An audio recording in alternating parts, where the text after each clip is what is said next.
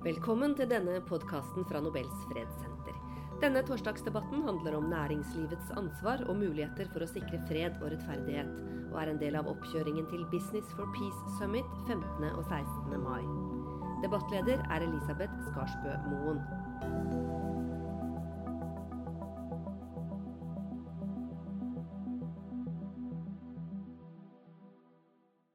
Og da vil jeg ønske velkommen til panelet, som består av Endre Stiansen. Han er eh, seniorrådgiver i UNDP. Så har vi Kirsten Margrethe Håvi, som leder Hydro ASAs ekstrafinansielle rapportering. Stian, eh, Stina Torjesen, førsteamanuensis ved Universitetet i Agder. Hans Olav Lahlum, historiker. Erling eh, Ølstad, administrerende direktør og deleier i Mester Grønn. Velkommen, alle sammen.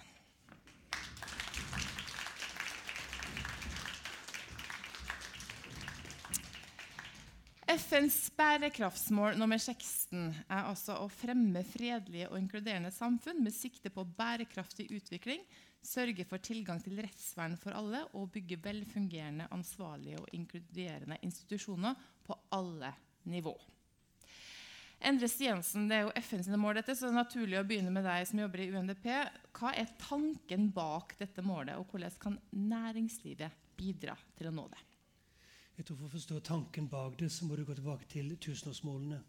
Som eh, ble vedtatt altså i år 2000, som i løpet av 10-15 år gjorde betydelig fremskritt, men som ikke kom helt i mål. Og Det som en mer og mer la merke til, det var at det nytta ikke bare å se på økonomisk vekst og sosiale tjenester. Du måtte se mye, mye, mye bredere enn det. Du måtte se på politikken rundt det, du måtte se på institusjonene. Du måtte se på det som virkelig kunne gjøre ting bærekraftige. Eh, og da ble det veldig mye. S16 er dette med institusjoner, det bærekraftigheten knytta til institusjoner, og ikke minst hvordan ulike aktører skal samarbeide. Eh, FN så, alle så, at, at vi kunne ikke, frivillige, statlige osv. kunne ikke gjøre alt sammen. Du måtte ha næringslivet med på banen. Næringslivet er viktig av særlig av tre grunner. For det første en enorm rekkevidde. En enorm altså kapasitet. Så en utrolig evne til innovasjon. Og så det tredje betydelig kapital. Og Får du disse tre tingene med på laget, sammen f.eks. med UNDP, FN, så kan du virkelig gjøre en stor stor forskjell. Det er ikke så veldig mange selskap som velger seg dette målet eh, av SDG-ene. Det er mer vanlig å snakke om bærekraft f.eks. i en klimaforstand. Det er jo blitt eh, nesten eh, umulig å ikke gjøre. Det er noe som en regner med at alle gjør. Men eh, Kirsten Margrethe Håvid, det i Hydro ASA har valgt SDG 16. Nettopp akkurat det, eh, blant, som er ett av åtte. da. Men hvorfor akkurat STG16 blant de åtte? Ja, som du sier, Det er jo ett av åtte vi har uh, sett på, eller ser på som spesielt relevant for Hydro. Uh, men jeg må også legge til at vi forholder oss til alle de 17 og rapporterer på mm. alle de 17. Og det er fordi vi ser at vi har at alle 17 har en eller annen innvirkning på oss, og vi har en eller annen innvirkning på det. Um, når det gjelder uh, STG 16, så kommer det inn under det hovedmålet vi har om å gjøre en positiv forskjell og vi syns jo at uh, der er det særlig tre bærekraftsmål som henger godt sammen, og som er viktige for oss. Det er god utdanning, det er nummer fire. Og så er det nummer åtte anstendig arbeid og økonomisk vekst. Og så er det 16 fred, rettferdighet. Og på engelsk så heter den da også 'og sterke institusjoner'. Den har falt ut i hovedtittelen mm. på norsk. Mm. Men den med sterke institusjoner er jo spesielt viktig for oss. Og bakgrunnen for, for, det er at vi har jobbet med samfunnsutvikling og samfunnsbygging siden 1905. Da vi først startet utbyggingen innerst i norske daler, på Rjukan og, og, og, på Notodden. Og der fantes det veldig lite annet enn en kirke og noen gårder. Så da måtte vi til å bygge arbeiderboliger, vi måtte bygge veier, vi måtte bygge jernbane. Og vi måtte bygge skoler for barna til arbeiderne og sykehus. og på sett og vis så er vi litt tilbake der etter at vi eh, kjøpte oss stort opp i eh, Brasil i 2011. Vi er i eh, to eh, byer i, eh, helt nord i, i eh, Brasil, i delstaten Pará. Paragominas med ca. 100 000 innbyggere og, og, og Barcarena med 120 000 eh, innbyggere. Og mens Paragominas, der fungerer ting ganske bra. Forholdene fungerer veldig bra. Og det vi gjør av sosiale investeringer der, det ser vi hvordan den lokale myndigheter klarer å ta vare på videre. Og, og videreutvikle. Ikke bare drifte det, men videreutvikle det. Mens i Bark Arena, når vi har bygget det samme der, så har vi bokstavelig talt opplevd at det har rustet i stykker.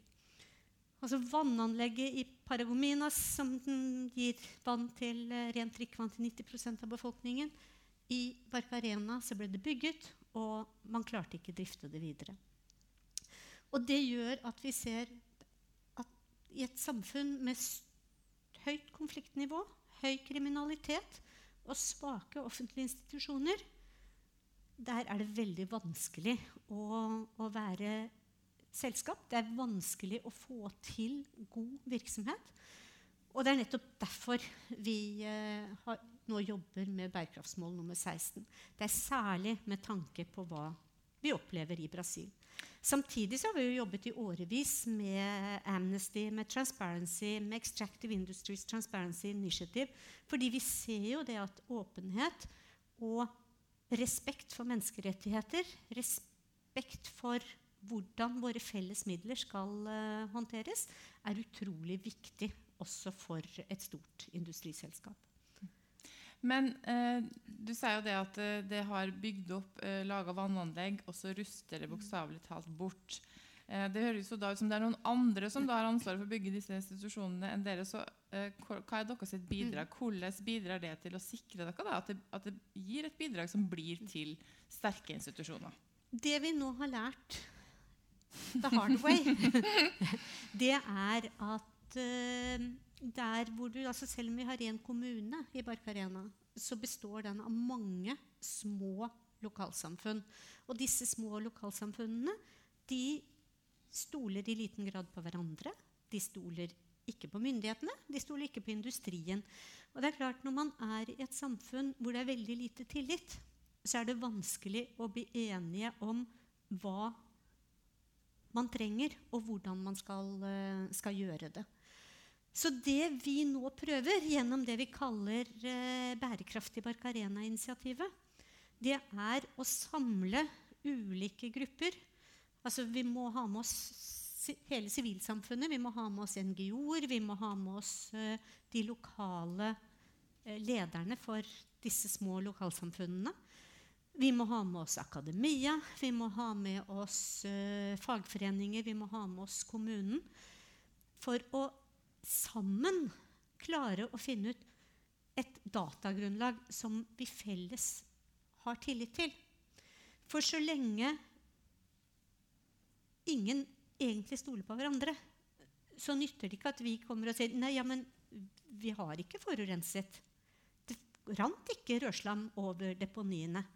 Selv om, eh, selv om eh, de lokale og de eh, føderale miljømyndighetene bekrefter at det har ikke rent ut noe, så tror ikke folk på det, for de stoler ikke på myndigheter. De stoler i hvert fall ikke på oss.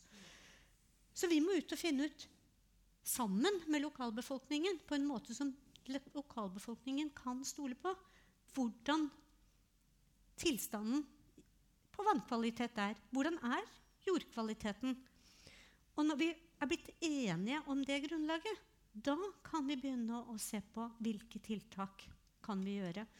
For vi må først finne ut hvor forurensningen kommer fra, før det er mulig å gjøre noe med, med forurensningen. Hvis vet, altså hvis lokalbefolkningen tror at jo, det kommer fra, fra Hydro, og vi er overbevist om at det kommer fra helt andre områder, så kan vi jobbe med de andre områdene så mye vi vil. Men lokalbefolkningen vil fortsatt tro at vannet er forurenset.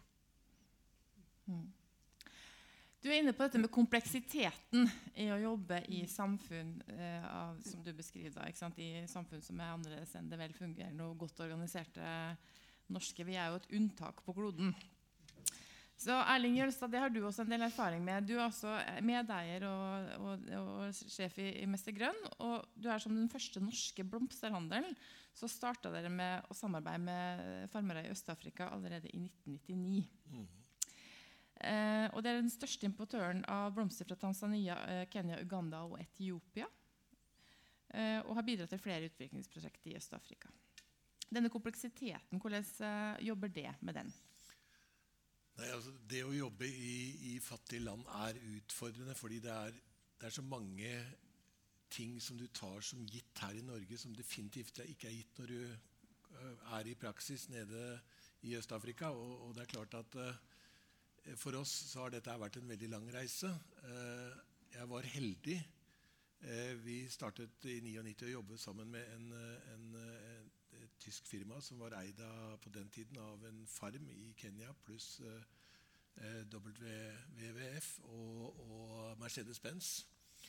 Og han tok meg med, og vi, vi, reiste rundt og besøkte farmer i, i, i både Tanzania og Kenya. Og jeg fikk jo oppleve veldig mye forskjellig. For på det tidspunktet i 99 så var det ikke sånn at det var noe sertifisering, det var ikke sånn at det var noe krav fra omverdenen om at varene skal produseres på en rettferdig måte, at det skal være miljømessige eh, At det skal gjøres på en miljømessig riktig måte osv. Så, videre. så det var, det var veldig mange inntrykk som gjør noe med det. Altså når du kommer på en farm om morgenen og det står lange rekker på utsiden av mennesker som venter å få jobb, og de får ha jobb da én dag, de har ikke noe sikkerhet for noe som helst. Du har kvinner som blir misbrukt, du har, du har eh, kjemikalier som du møter Barna spiller, spiller fotball med kjemikaliedunkene på, på bakgården. Altså det, er, det er ting som ikke er noe industri verdig. og det er klart at For oss da å, å komme fra Norge og og det vi er kjent med, og de trygge rammene vi har, så er det å, et, et, veldig veldig spesielt møte.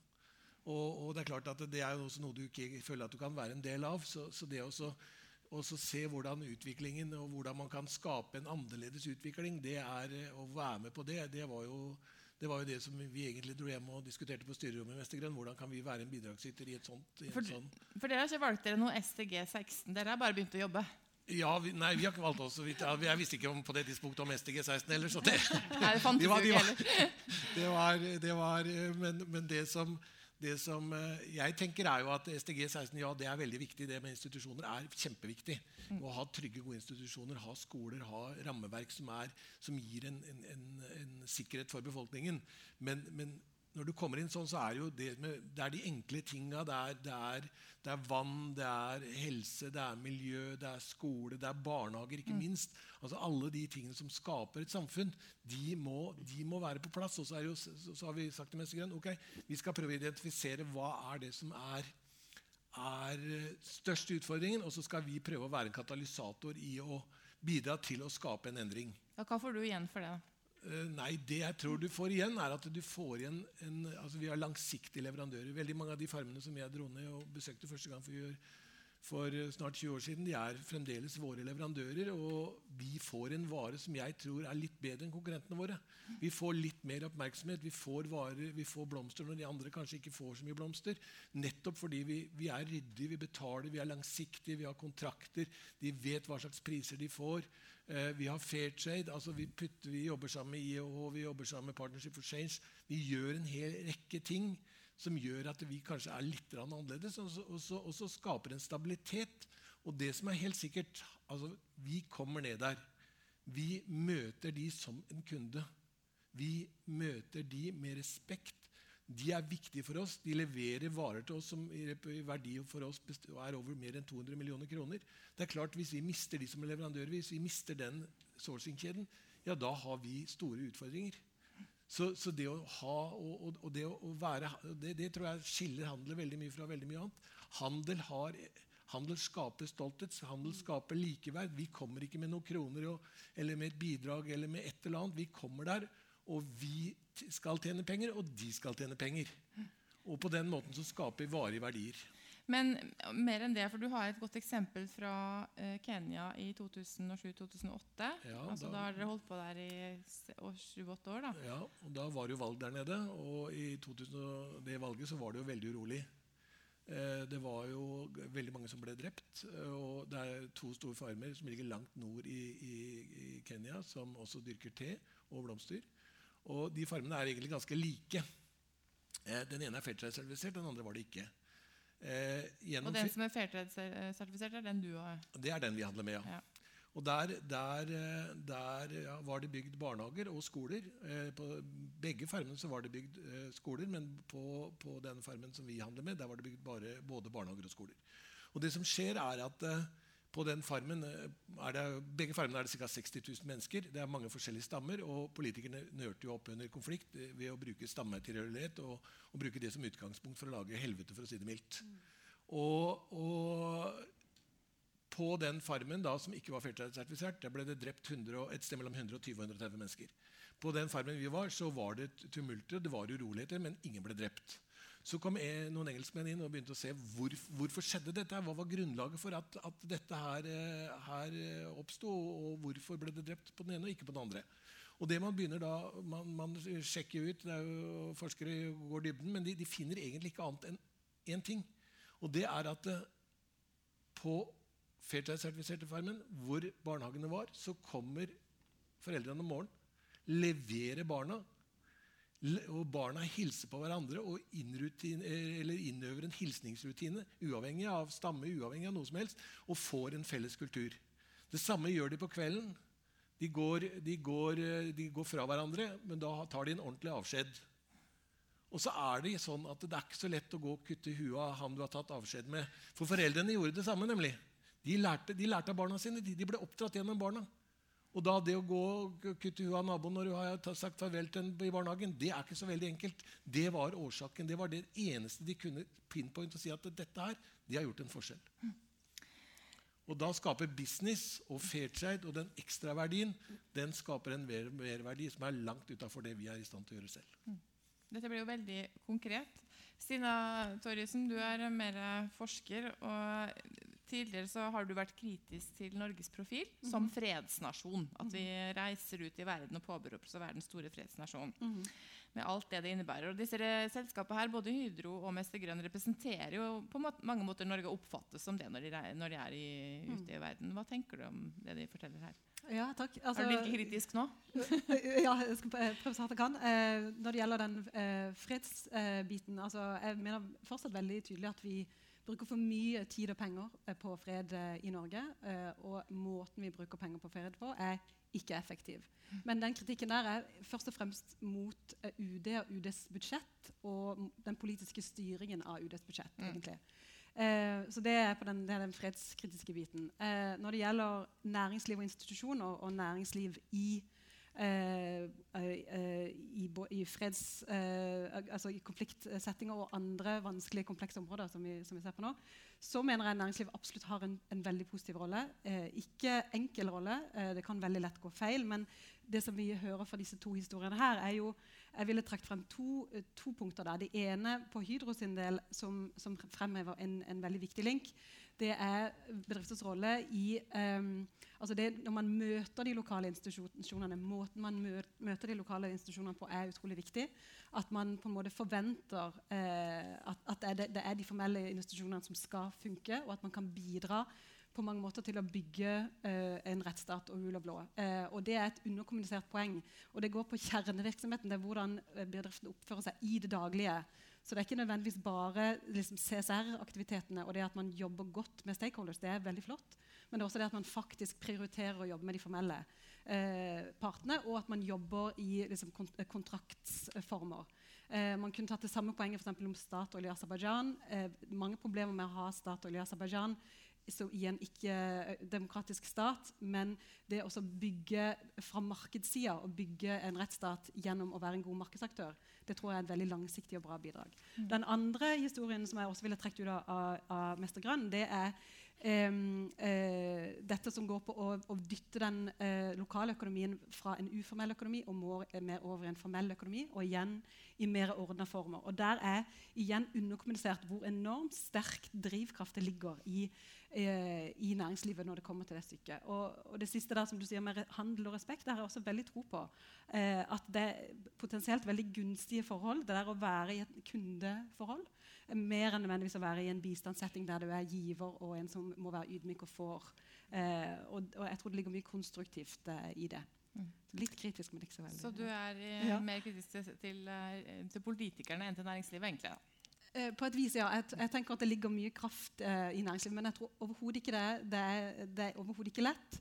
Eh, og sånn som vi om før, det det, er vanskelig å ha kontroll på hele eh, leverandørkjeden sin. Det er en utrolig vanskelig oppgave Eh, å løse.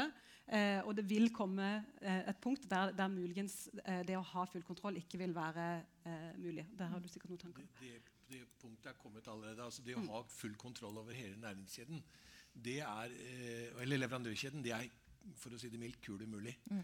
Eh, og, og jeg, du kan si det er vel en sånn over eh, altså I Norge her så skal vi vi, vi, vi, vi får ha veldig fokus. Gjør vi noe, noe feil tø, og, og er, det, er ingen som, det, er ingen som, klarer å kontrollere alt. Det er ingen som klarer å ha oversikt er, fordi strukturene er så, er så lukka, og, og, man skal så langt bakover.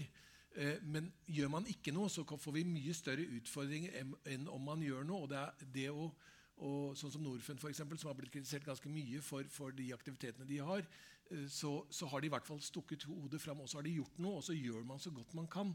Og så vil man altså det, I vår bakgård så, så er, kan enhver eh, journalist finne et eller annet, selv om vi prøver å gjøre så godt vi kan med de ressursene vi har. Vi, de ressursene vi putter på gjennom sertifisering, gjennom, gjennom tredjepartssertifiseringer uh, som blir gjort av farmer osv.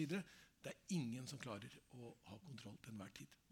Og så naive må vi ikke være i Norge. Det er mye bedre å gjøre noe enn ikke gjøre noe. Men en som har god kontroll, er i hvert fall på eh, amerikanske presidentrekka. Det er deg, eh, Hans Olav Lahlum. Spørs hvor mye det hjelper her, da. det var akkurat det, men vi skal ikke Så, de, Svaret på hva min sidemann fikk igjen for dette engasjementet, var vel rett og slett blomster? Var det og det er ikke verst. Ja, det er jeg glad for. men um, ja, Olav, du er, du er, historiker, og du er en annen om vi skal snakke om amerikanske presidenter, så i hvert fall en annen amerikavenn, Håkon Lie. Er han en slags uh, idehistorisk opphav til den måten vi tenker rundt uh, næringslivets rolle nå i utlandet? Nei, det tror jeg egentlig ikke. Det du tenker på, er vel at han på sett og vis ble han kalles jo av og til for utviklingshjelpens far eller ja. uhjelpens far i Norge. Mm. og Det er vel det du tenker på Kerala-prosjektet på begynnelsen av 50-tallet i India. Og, og, dette her, og Det kan man argumentere for at når det gjaldt starten på utviklingshjelpa, og det at Norge ble et av de tidligste landene som ga utviklingshjelp i den statlige formen, mm. så var han på mange måter en veldig viktig pådriver. Nå hører du med til historien at Kerala-prosjektet ble jo egentlig ikke noe stor suksess. Nei, eh, av, litt, av, litt, ulike årsaker. Så det var jo i så fall mer det prosjektet og på en måte internasjonaliseringa og eh, jeg tror jeg vil si Det viktigste som egentlig sto igjen fra det, var liksom den der oppdagelsen av at det finnes en verden utenfor eh, Nord-Amerika og Europa, som liksom var den de fleste nordmenn eh, hørte noe særlig om den gang. At du hadde den der problematikken med utviklingshjelp. Og det, og det kan man argumentere for at var viktig. Men tanken med å, å eh, liksom, Dette var jo snakk om fiskebåter. ikke sant? Ja. Så det, det da, at, at næringsvirksomhet var en viktig del av det, det var vel allerede etablert da? Ja, Jeg oppfattet det ikke sånn at man skulle importere så veldig mye av fisken til Norge. Nei, men, men, eh, men, men altså, faktisk så er det en litt sånn fin ting og samtidig en litt krevende ting ved denne tidlige norske utviklingshjelpa at handelselementet i det var veldig svakt sammenlignet med hva en del andre land hadde gjort. Eh, i eh, litt lignende. Det er jo vanskelig å trekke en nøyaktig grense for hva som er utviklingshjelp. Mm. Men det lå ikke noen sterk intensjon i dette om at dette er noe vi skal tjene penger på å handle med de. Altså, det var sånn sett en mer uselvisk tanke om mm. at vi skal hjelpe dem til å komme i gang, slik at de kan eh, tjene penger og, og, og, produsere og forsørge seg selv. Eh, og Det er jo på mange måter en positiv intensjon, men så støtter man da på en del problemer. uten at vi skal ta historien på Kerala-prosjektet, Bl.a. fordi man nok hadde, gikk inn i det med litt feilaktige forutsetninger og, og, litt feilaktige oppfatninger om hva det var man trengte og hva det var man ville gjøre mm. i disse lokalsamfunnene i India.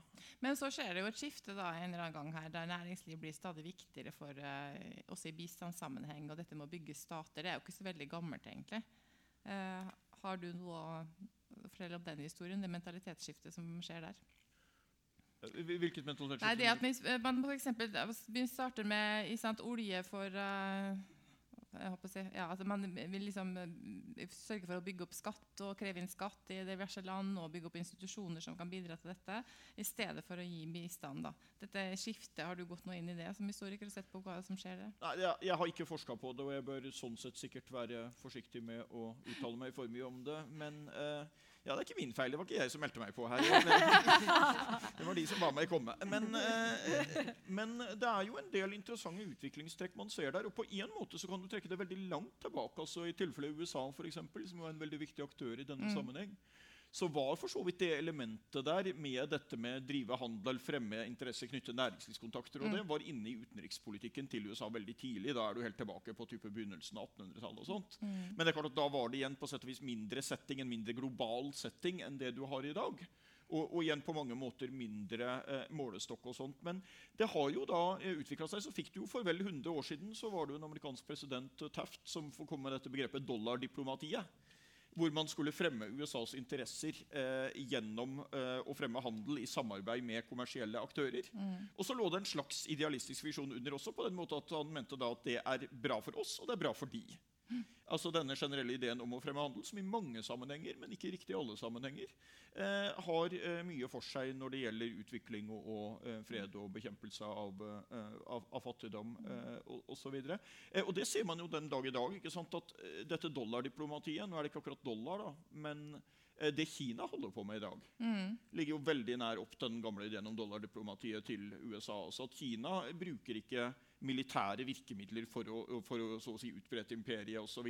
På den måten som f.eks. de gamle europeiske kolonimaktene gjorde. Men de bygger opp et mer, us, eh, mer sånn usynlig, eh, usynlig, håndstyrt imperie mm. gjennom å bruke den økonomiske makta, gjennom å investere her og der, gjennom å sette de og de premissene. Og Spesielt i Afrika. Ja, ja mm. men også, også i f.eks. Sør-Amerika og, og, og, sånt. Men ja, i, i, i, store verden. Så, sånn at det, det, er ganske interessant å se hvordan man altså Den økonomiske makten og betydningen av økonomi og handel og det er på sett og vis større enn noen gang før. Og dermed også mer interessante koblinger til politikken. enn, enn Men jeg vil litt Hydro her, fordi Det er vel også problematisk å bli en del på en måte av utenrikspolitikken. Altså, altså Man liksom kommer med Norsk Hydro, så blir man, og, og veldig mange norske selskap har også norsk eller no, i navnet sitt. og Så reiser man ut i verden. Eller Statkraft, eller de har et eller annet statlig ved seg. Så man oppfattes kanskje ofte som en uh, forlenga arm av uh, politikken også. Det er vel også en utfordring for ja. næringslivet? Nei, jeg er litt usikker på hvor mye det betyr uh, utenfor uh, Skandinavia at mm. det står norsk foran. Mm. Uh, det oppfattes stort sett som et egennavn, og de mm. skjønner ikke at det betyr hva det faktisk betyr. Men, men, man er jo ikke dummere i de landene vi er, enn at de fort finner ut hvem som er største eier. Mm. Og, og, ser sammenhengen mellom hva Norge sier og mm. gjør, og det er klart at det er da lett å si at ok, Norge er dobbeltmoralistiske. Uten at vi nødvendigvis er det, men det er, det er, veldig, det er veldig, lett å hevde det. Mm. Men er det lett å ivareta integriteten sin, eh, så man forstår at dette er et, i utgangspunktet et kommersielt selskap mer enn det er staten? Det vil nok variere i mm. ulike sammenhenger, og det vil variere med hvilken agenda de som sitter på andre siden, har. Mm. Men det var en liten runde med replikker her, og det var Endre Stiansen først. Ja, eh, jeg tror Det som er det sentrale her, det er at vi ser at den har felles interesser. Mm. Og at den kan oppnå så veldig mye mer hvis den spiller på lag. Det er riktig det at, at det skjer en holdningsendring i forhold til sånn, samkvemet, samarbeidet, det økonomiske aspektet i vår verden, den verden der ute. Og, Mitt poeng vil være at hvis du da trekker med det private næringslivet, så får du så enormt større, større mulighet til ressursmobilisering. Og det andre, altså med kapit, altså kapital og innovasjon, som du ikke får hvis du jobber innenfor en klassisk eh, bistandsramme. Den store holdningsendringen i Norge skjedde jo med Erik Solheim fra SV som fikk en helt ny tenkning inn, og som er nå viderefører med denne regjeringen. Og det var radikalt. Mm. Altså, ikke, ikke, men, men, nå er det liksom blitt, blitt allment. En, en, annen poeng som jeg vil ta her, som, som uh, altså, det har vært inne flere, flere ganger, dette med altså, å stole på trust på engelsk. Dette er noe som en må bruke lang tid på å investere i. Det skjer ikke over natta, men det er prosessen som er viktig, og alle da kan spille en rolle i det. Litt, grann, litt, grann, litt grann, og så blir det bedre. Og der igjen tilbake til felles interesser. Mm. Det offentlige, det private osv. Men alle må da ta et strategisk valg, og det strategiske valget er delvis å tjene penger. Men enda mer skal vi tjene penger på sikt, eller skal vi bare ta pengene nå og løpe? Stina? Ja, eh, bra. Eh, eh, to punkter der. Det ene går på at man kan mobilisere ressurser. Helt enig, Hvis vi skal trekke det inn i en sånn freds- og konfliktsetting som vi, som vi befinner oss her, så kan du også si at et veldig typisk problem for mange sånn, konfliktstater det de er i gjenoppbyggingsfasen, er at det pøses på en måte inn med, med bistand som er veldig godt ment og som er viktig. Men på et punkt så kan du også få en slags Dutch disease rundt bistand det så du veldig tydelig i Afghanistan at det blir for mye midler som ikke nødvendigvis kan absorberes av staten. Mens hvis du kan balansere det med næringslivsinvesteringer, så får du mer en balansert utvikling. Da. Mm. Så det er en kommentar på den mobiliseringsbiten. Det andre som vi snakker om her med Lahlum, eh, på eh, blandinga mellom politikk, eh, politikk, og næringsliv. Eh, jeg tror det, vi, Når vi snakker om dette i Norge, så har vi ofte på en måte disse to parametrene med at du har den rene, snille, uselviske bistanden. Uh, og så har du den mer på en måte egoistiske uh, næringslivsengasjementet. Uh, og at der også det ligger penger sånn sett, fra, fra, fra UD og andre i støtte til næringslivsengasjementet. Næringslivs, næringslivs så jeg tror den står for fall, den dikotomien der. Jeg tror Når vi går fremover, så vil vi se at Norge kan gjøre en, en, en forskjell der vi har aller størst kompetanse og kunnskap. Det står det f.eks. i møte med India, som sa nei til all eh, bistand fra 2004, hvis ikke jeg husker feil. Eh, og egentlig kun ønsker på en måte samarbeid rundt teknologi eh, og andre typer samarbeid som går igjen på næringsliv og mye på innovasjon og teknologi. Ja. Eh, og her, det her også, altså Land som Kenya, mange andre afrikanske stater vil komme tror jeg, på samme type punkt, der man, man vil ønske å vri seg. Og da må vi på en måte ha, liksom, eh, være ryddige og, og, kunne, og kunne bidra på den måten også. Og kunne se at, eh, eh, at, et engasjement som har næringslivet med seg, er kanskje noe som vil gi oss, eh, gi oss den ekstra kunnskapsfordelen. Da. Men jeg synes det ordet som er tilbakevendende her, er tillit. ikke sant? Og vi vet jo nå at eh, tillit i verden, i hvert fall til institusjoner og selskaper, er fallende over hele verden. Til og med litt i Norge. Og eh, som du sjøl var inne på, Kirsten Hove, så er jo, det tar jo, kommer til å ta lang tid for dere i Brasil eh, antageligvis å bygge opp den tilliten. Derfor så har de ikke tillit til det dere sier nå. Mm. Og hvordan jobber man opp igjen en sånn tillit? Mm. Ja, det, det, har vi ikke fasitsvaret på. Men, vi, men, da er jeg tilbake til dette bærekraftige Barcarena-initiativet. Mm. Hvor vi ser for oss å bidra til Det er ikke vi som skal gjøre det, men vi skal bidra til å bygge opp en organisasjon som skal kunne skape eh, tillit i eh, lokalsamfunnet gjennom å at det er lokalsamfunnet selv som, eh, som blir enige om hva er det vi trenger. Eh, det vi er helt sikre på, det er at vi kan ikke komme og fortelle dem hva de trenger. Men samtidig er veldig mange av de samme tingene som Mester Grønn nevnte her. Altså det er rent vann, det er helse, det er infrastruktur, det er arbeidsplasser. Det er konfliktreduserende tiltak. Mm. Eh, og ikke minst kompetanse i samarbeid og prosjektutvikling. Mm. Og hvis vi kommer og sier at det er det, dette dere trenger, så kommer det til å gå galt. Mm.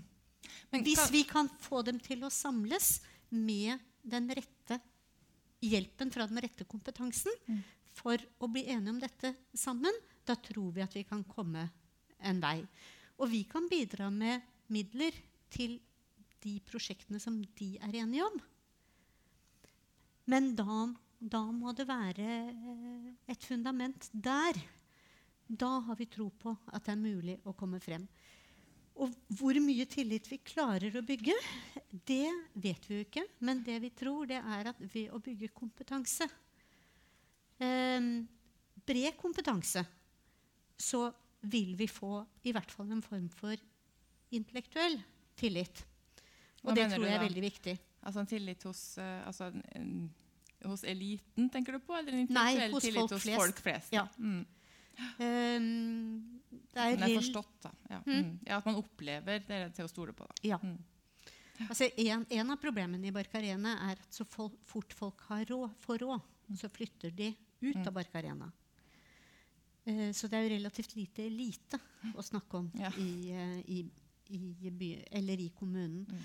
Men vi må sørge for at den kompetansen som faktisk finnes der, at den får mulighet til å utvikle seg og får tilgang til nødvendige ressurser for å spre kompetansen. Mm.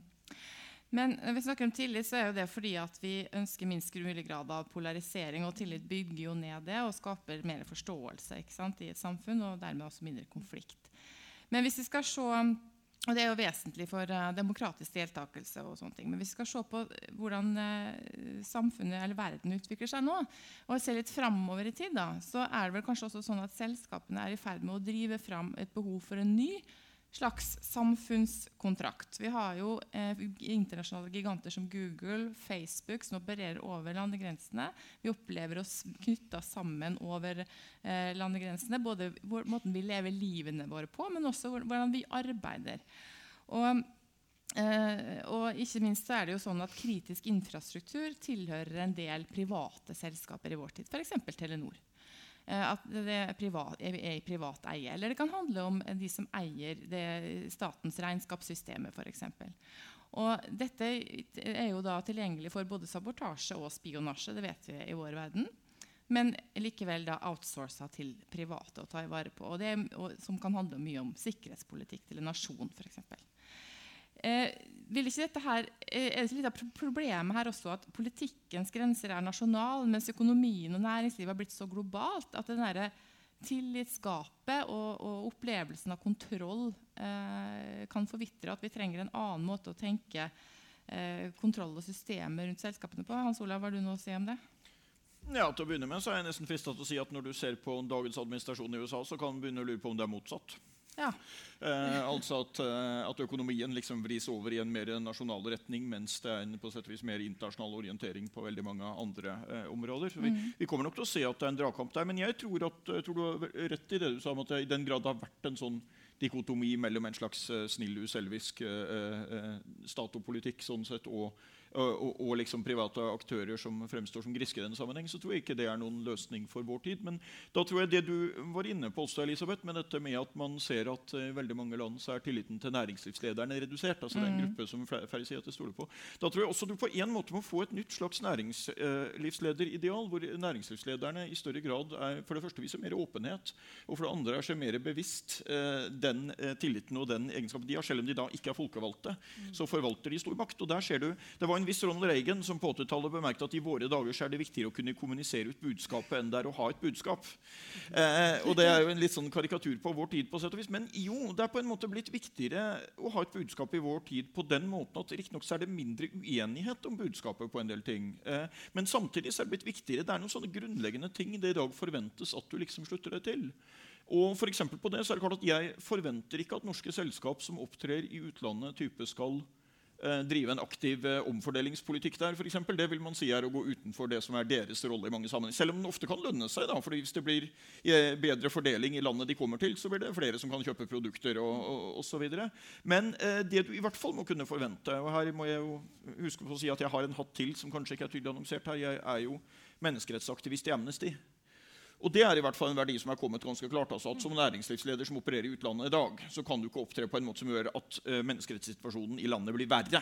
Du vil tvert imot bli forventa å opptre på en måte som fremmer det, og fremmer grunnleggende menneskerettigheter. Og Det er jo en hovedregel her at uh, det med handel og handel over landegrensen og det virker positivt. Det finnes også eksempler på at det virker negativt, f.eks. i land hvor du har et autoritært politisk regime som holder seg oppe gjennom at de opprettholder en kontakt med noen få uh, store utenlandske selskaper, som så til gjengjeld får ta ut naturrikdommer og, og, og naturressurser og, der, og hogge ned regnskog og, og, alt hva det måtte være. Og Det er klart, det er ikke en form eh, for eh, Da er det ikke rart at tilliten til næringslivslederne og politikerne blir lav. Altså. Um, Endre Stiansen, du ba om ordet. Ja, jeg syns det er en, en veldig altså, interessant eh, debatt. fordi at det, det, er enorme utfordringer da. Men den har jo også mye kunnskap om hva en skal gjøre. Mm. Og en har også institusjonene som kanskje bruker det enda mer. Altså, FN er der. Nå har en et veikart. Det er altså 2030-agendaen. SDG 16, og Jeg tror det er veldig viktig det du, du sa, som er utelatt i den norske sjablået. Der det står det fred og rettferdighet. Men det tar vekk dette med som er så sentralt ved dette, her, med altså styresett, mm. ved ansvarlighet og ved eh, eh, altså de, at vi må bygge institusjoner. Og det er globalt. Og det går også på dette med altså næringsliv her. Tappes det tillit hjemme, også ute. Men det, det, er på agendaen. Det er bare å begynne å jobbe med det og se at det er like viktig hele verden. Men er det sånn at FN-systemet har begynt å få faktisk en viktigere rolle og at, å bistå næringslivet og drive fram denne typen institusjoner og mekanismer? egentlig? Fordi Jeg hørte i går et foredrag av Karsten Friis som, uh, som snakka om dette med cybersikkerhet, og at en del nå teknologiselskaper møtes i fora som ofte no, noen i regi av FN, dette for å få på plass retningslinjer for hva som er god forretningsskikk. Microsoft har gått ut og sagt at deres teknologi kan ikke brukes til spionasje, f.eks. Den type ting. At man på en måte lager etikk og, og, en, en, felles global forståelse av hvordan næringslivet skal oppdra, nettopp for å eh, skape noen institusjoner som ikke fins, nesten. da. Når det gjelder UNDP, så er det helt klart at vi forsøker å samle næringslivsaktører. Mm. Til å komme rundt, sammen rundt en agenda og komme opp med gode løsninger som er gode for mm. de, som er gode for oss, som er gode for befolkningene.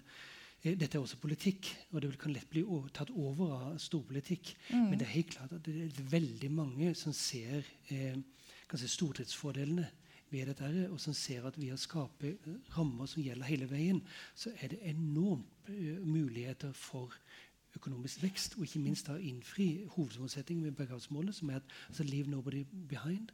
Mm. Du skal få mer, du skal utrydde fattigdommen. Da må du gå frem på den måten. Den andre måten er ikke god. Den er destruktiv. Noen tjener penger på det. Det store flertallet gjør det ikke. Mm. Du bare, Ja. Uh, vi driver jo en helt annen type virksomhet enn mm. Google etc. Vi driver jo veldig fysisk, uh, med et veldig fysisk produkt. Um, og når vi går inn et nytt sted, så er vi veldig langsiktige. Vi, har, vi, må ha et perspektiv på i hvert fall 30, kanskje 40 år på, på alt vi gjør. Uh, og i et samfunnsansvarsperspektiv så er det jo først og fremst å skape anstendige arbeidsplasser med anstendige uh, forhold og en anstendig lev, lønn uh, for de ansatte. Deretter så skal vi selvfølgelig betale skatt. Ehm, men det har også noen utfordringer. Eh, så for oss er det da veldig viktig å være åpne på hva vi betaler i skatt, og til hvilken myndighet vi betaler skatt til. Og det er klart Dette er et norsk myndighetskrav gjennom land-for-land-rapportering. Men vi har også sett behovet for å gå utover de kravene som stilles der, for å gjøre det enda tydeligere hva vi faktisk legger igjen hos uh, lokale myndigheter. Uh, for hvis ikke selskapene er tydelige på hva som legges igjen, så er det ikke sikkert at myndighetene er like tydelige på det. Mm. Så her går dere foran, da? På mange måter? Til en viss grad så gjør vi det. Og vi har jo gått foran eh, siden 2005 mm. og rapportert frivillig på denne type betalinger frem til det også ble et eh, lovkrav i Norge i 2014. Men kan ikke også selskap tjene på at det ikke er så regulerte forhold i et land? Ikke et selskap som Hydro. eh, altså En del av disse landene som har eh, dårlig regulering, de har ressurser som kan være viktige for oss. Men eh, ikke for enhver pris. Mm. Vi må ha en viss form for stabilitet før vi kan gå inn i et land. Og hvis det da blir en form for uro, enten det er lokalt eller nasjonalt, så må vi jo se hvordan vi kan jobbe for å sikre våre interesser og våre ansattes interesser også i den situasjonen. Eh, Stina Torjussen, eh, Hvis det er noen som fra salen nå som har lyst til å stille et spørsmål, så har vi litt tid til det. Men Stina Torjussen først. Ja, fint, takk. Eh, bare for å kommentere det på altså, samfunnskontrakten og der vi står nå i sånn, mm. digitaliseringens tidsalder. Jeg tenker det, Noe av det du tar, er jo det at eh, utviklingen går så fort, sånn at selskapene ligger foran staten og eventuelt det man klarer på multi, multilateralt nivå, og lager det som heter soft, eh, eller, eh, normer og, og soft laws. egentlig. Mm. Så du har denne perioden på noen år der det er litt, litt Texas, og der det blir ekstra viktig at, at næringslivsledere faktisk tar ansvar. Men jeg tror at det som ligger i bunnen der i mange av disse settingene, eh, er at det må ligge en forventning om fremtidig regulering. Eh, og at det er på en måte oppdragende for næringslivsledere. Jeg tror du vil finne enkelt eh, pionerer og, og, og mer liksom, gode og ansvarsfulle selskaper og mindre ansvarsfulle selskaper. Men for å på en måte forme et marked og for å forme på en måte atferd, så tror jeg du må ha forventninger om reguleringer fremover. Eh, og det kan gi veldig stor gevinst. Altså, du ser det veldig tydelig på klimafeltet før og etter Paris. At det er, en veldig, det er jo, som vi, som vi vet veldig godt, en, en, game changer for veldig mange norske og, og utenlandske selskaper i, måten, i hvordan man forventer at grønn energi vil utvikle seg, f.eks. Eh, og da er det de fremtidige forventningene om regulering som faktisk gir på en måte en forretningsmulighet. Så jeg tror Det er også viktig å se at det er en begrensning for hvor mye handlekraft du har som næringslivsleder. Og jeg tror mange næringslivsledere, særlig norske næringslivsledere, er tjent med eh, at det er et press på reguleringer, at de er mest mulig formelle, og at de sånn sett er mest mulig tøffe. Uh, og, og, det siste der er jo også at vi har jo, vi har jo verktøy her. og jeg synes Det EU har gjort vis-à-vis Google for eksempel, og Margrethe Vestager hennes, uh, altså den danske lederen der, hennes liksom, eh, agenda mot Google har jo vært på en måte et eksempel på at man har regulert de digitale kjempene på et vis. Og at Facebook nå har umiddelbart en dialog med EU på hvordan de skal imøtekomme EUs krav. Så, så, det ligger jo også på EU-nivå en, en interessant verktøyskasse i møte med den mm. digitaliseringstrenden. Takk til paneldeltakerne og til Business for Peace for samarbeidet om denne torsdagsdebatten.